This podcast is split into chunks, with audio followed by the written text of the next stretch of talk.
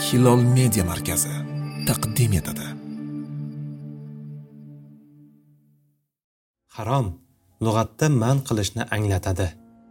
Shariatda esa hech qanday shubhasiz ochiq oydin ravishda man qilingan narsa haromdir. Buni bilib olish uchun alohida tayyorgarlik ko'rishning keragi yo'q. Aroq najosat tushgan suv kabi ichimliklar cho'chqa go'shti allohning ismi aytilmay so'yilgan hayvonlar go'shti erkak kishilarga ipak kiyimlar va nikohida bo'lmaganlar ila jinsiy aloqada bo'lish kabilar haromdir. Shu bilan birga o'zi halol bo'lgan narsalarga shariatda man qilingan yo'l bilan ega bo'lsa ular ham haromga aylanib qoladi. Misol uchun zulm o'g'rilik riboxo'rlik aldamchilik poraxo'rlik yo'li bilan topilgan har bir narsa o'zi qanchalik pok bo'lsa ham topuvchiga haromdir.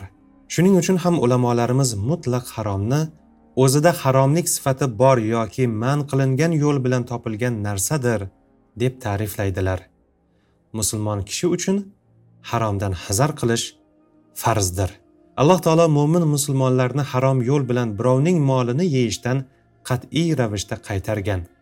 Birovning mol mulkini harom yo'l bilan yeyish bu dunyoda turli balo ofatlarga oxiratda do'zax azoblariga sabab bo'ladi. Alloh taolo baqara surasida marhamat qiladi. Bir birlaringizning mollaringizni botil yo'l bilan yemang. bir yuz sakson sakkizinchi oyat. Imom qurtubiy oyatdagi botil yo'l bilan yemaslikka haromning barcha turlari qimor aldamchilik harom narsalarni sotib mol topish harom kasblarni qilib mol topish va boshqalar kiradi deganlar. Alloh taolo anom surasida marhamat qiladi. Holbuki u sizlarga majbur bo'lganingizdan boshqa harom qilgan narsalarini batafsil bayon qilib qo'ygan-ku. 119 oyat. Abu hurayra roziyallohu anhudan rivoyat qilinadi. Nabiy sollallohu alayhi vasallam odamlarga bir zamon kelurki unda kishi molni nimadan olganiga parvo ham qilmaydi. Haloldanmi haromdanmi? dedilar. Buxoriy va nasoiy rivoyat qilishgan. Bu hadisi sharif payg'ambarimiz sollallohu alayhi vasallamning katta mo'jizalaridan biridir. Ushbu hadisi sharif u zot sollallohu alayhi vasallamning muborak og'izlaridan chiqqan paytda ko'pchilik musulmonlar molni halol haromiga qaramay olish degan narsani umuman hayollariga ham keltira olmas edilar. Chunki musulmonman degan odam faqat halol narsani olishi haromdan hazar qilishi ularning fikri zikri butun vujudiga singib ketgan edi. Ammo asrlar o'tishi bilan kishilar islomdan iymondan uzoqlasha borib oxir oqibat halol bilan haromni farq qilmaydigan holatga yetdilar. Kishilar halolni qo'yib haromga o'zini uradigan mol dunyo to'plash yo'lida har qanday haromdan jirkanchlikdan pastkashlikdan tap tortmaydigan bo'lishdi. Hattoki halol bo'lishga uringan kishini devonalikda aqlsizlikda ayblaydigan darajaga yetdilar. Shunday qilib payg'ambarimiz sollallohu alayhi vasallamning ushbu hadisda aytgan gaplari yuzaga chiqdi. Aslida esa insonni hayvondan ajratib turadigan narsalardan biri ham halol haromni farqlashdir. Duch kelgan narsani surishtirmay o'ziniki hisoblab undan foydalanishga o'tish hayvonga xosdir.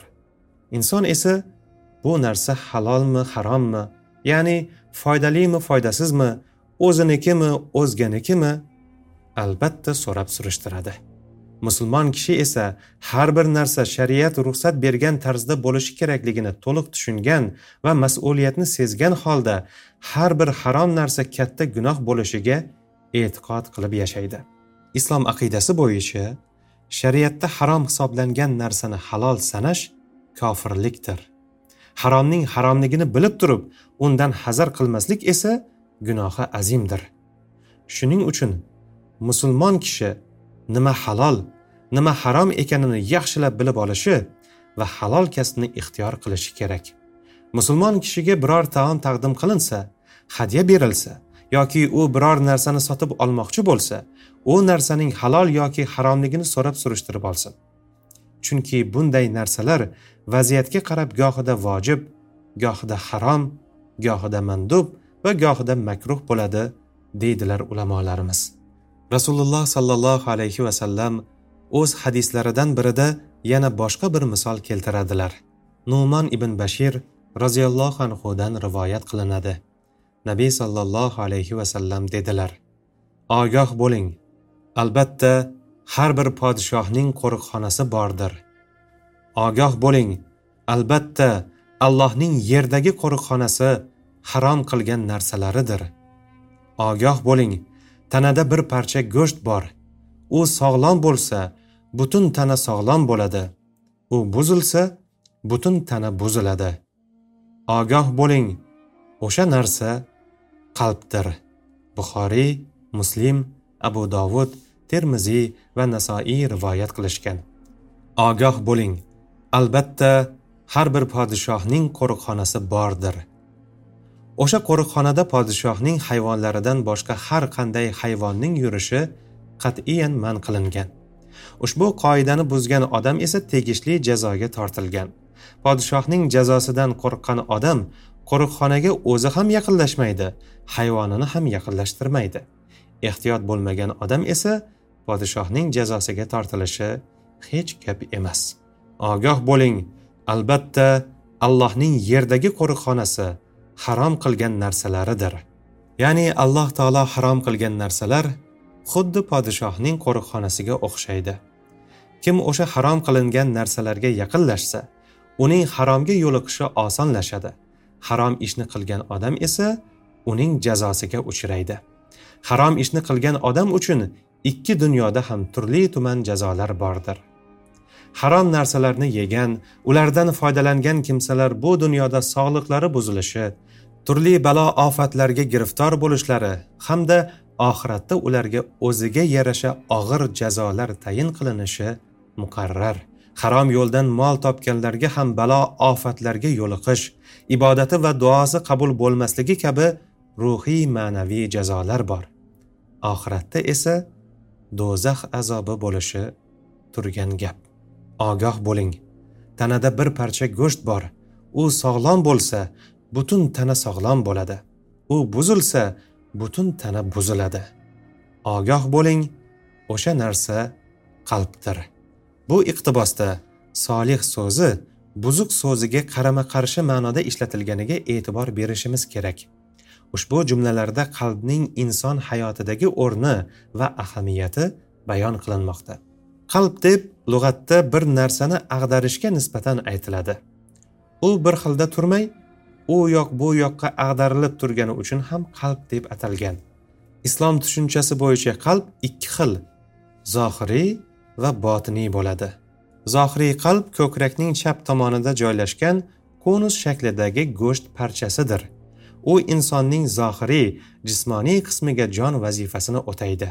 Botiniy qalb esa nuroniy latif biluvchi narsa bo'lib insonni inson qiluvchi narsa ham o'shadir. U insonning aqliy ruhiy ma'naviy hayotiga tiriklik baxsh etadi. Qalb bizning tilimizda yurak ham deyiladi. Ushbu hadisa sharifda ta'kidlanishicha qalb insonning yomon yoki yaxshi bo'lishi uchun asosiy omil bo'lar ekan. Uning yomon yoki yaxshi bo'lishi esa halol va haromga bog'liq. Ushbu haqiqat qadim zamonda faqat ruhiy ma'naviy jihatdan tushunilgan. Haromxo'rlik qilgan odam gunohkor bo'lishi va oxiratda do'zaxga tushishi ma'nosidagina tushunilgan. Hozirgi kunda esa yurak jismimizni hayotda va sog'liqda tutib turadigan narsa sifatida bilinadi. U ishlab tursa jismda hayot bo'ladi. U sog'lom bo'lsa jism ham sog'lom bo'ladi. U xasta bo'lsa jism ham xasta bo'ladi deb fikr qilinadi. Aslida esa hadisdan ushbu ikki tushunchaning umumlashtirilgan ma'nosi tushunilmog'i lozim. Ilmiy ravishda sobit bo'lishiga qaraganda islom shariatida harom qilingan narsalarni taom sifatida tanovul qilgan odam xastalikka chalinar ekan. Chunki islom zararli narsalarni harom qilgan. Harom narsa iste'mol qilinganidan so'ng tanada qonga aylanadi. Yurak esa qon haydaydigan a'zodir. Zararli narsalardan paydo bo'lgan zararli qon yurakning xastalanishiga sabab bo'lishi esa ilmiy haqiqatdir. Yurak xasta bo'lgandan keyin esa hadisi sharifda aytilganidek jismning hammasi buzuq bo'ladi. Xuddi shu holat botiniy qalbga nisbatan ham hosil bo'ladi. O'g'rilik poraxo'rlik riboxo'rlik aldamchilik bosqinchilik kabi harom yo'llar bilan o'ziga mol mulk topgan odamlar gunohkor bo'ladilar. Mazkur gunohlarning zarari esa ularning botiniy qalblarini xasta qiladi. Haromxo'rlik davom etaversa ma'naviy xastalik borib borib ma'naviy o'limga aylanadi. Shuning uchun ham qalb jismga nisbatan podshoh kabidir deyiladi. Podshohdan yaxshi amir chiqsa fuqarolarga yaxshi bo'lganidek yurakdan yaxshi niyatlar chiqsa jismning boshqa a'zolariga ham yaxshi bo'ladi. Har doim bo'lganidek hozirda ham ushbu buyuk hadisi sharifni yaxshilab tushunishga unga yaxshi amal qilishga juda ham muhtojmiz. Halol nima ekanini bilib olib doimo halolga yetishish uchun harakat qilishimiz kerak. Harom nima ekanini yaxshilab bilib olib doimo undan hazar qilishimiz lozim. Shubhali narsalardan uzoqda bo'lish juda ham zarur. Ulamolardan so'rab surishtirib o'zimizga halolligi aniq bo'lgan narsanigina ravo ko'rishimiz zarur. Agar ulamolar shubhali narsalarning halolligiga fatvo bermasalar unga mutlaqo yaqin yo'lamasligimiz kerak. Eng ko'p halol haromni surishtiriladigan joy bozor savdo tarmoqlaridir.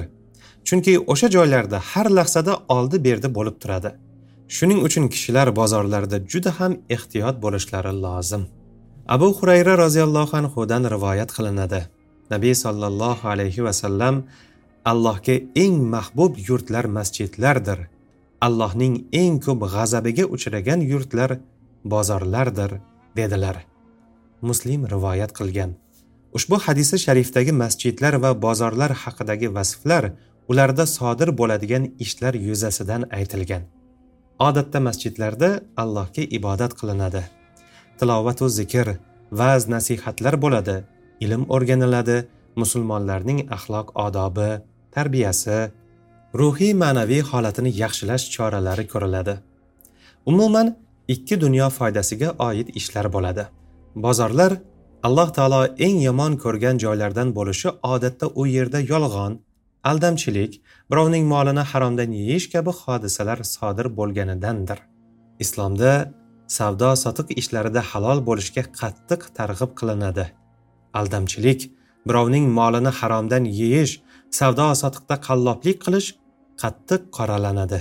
Hadisda bozorlar alloh taolo eng yomon ko'rgan joy tariqasida sanalishining sababi ham shunda. Bozor bozor bo'lgani uchun emas unda harom xarish. Noshar'iy ishlar ko'pligi uchun shunday sifatga ega bo'lgan. Shuning uchun musulmonlar bozorda doimo ehtiyot bo'lishlari kerak. Bozorga kirganda ham allohdan panoh so'rab kirish yurganda ham panoh so'rab yurish lozim. Yuqorida aytib o'tilgan ma'nolar yuzasidan har bir musulmon inson bozor ishlari savdo sotiqqa oid islomiy ta'limotlarni o'rganib olishi zarurdir va yaxshilikdir. Assalomu alaykum va wabarakatuh.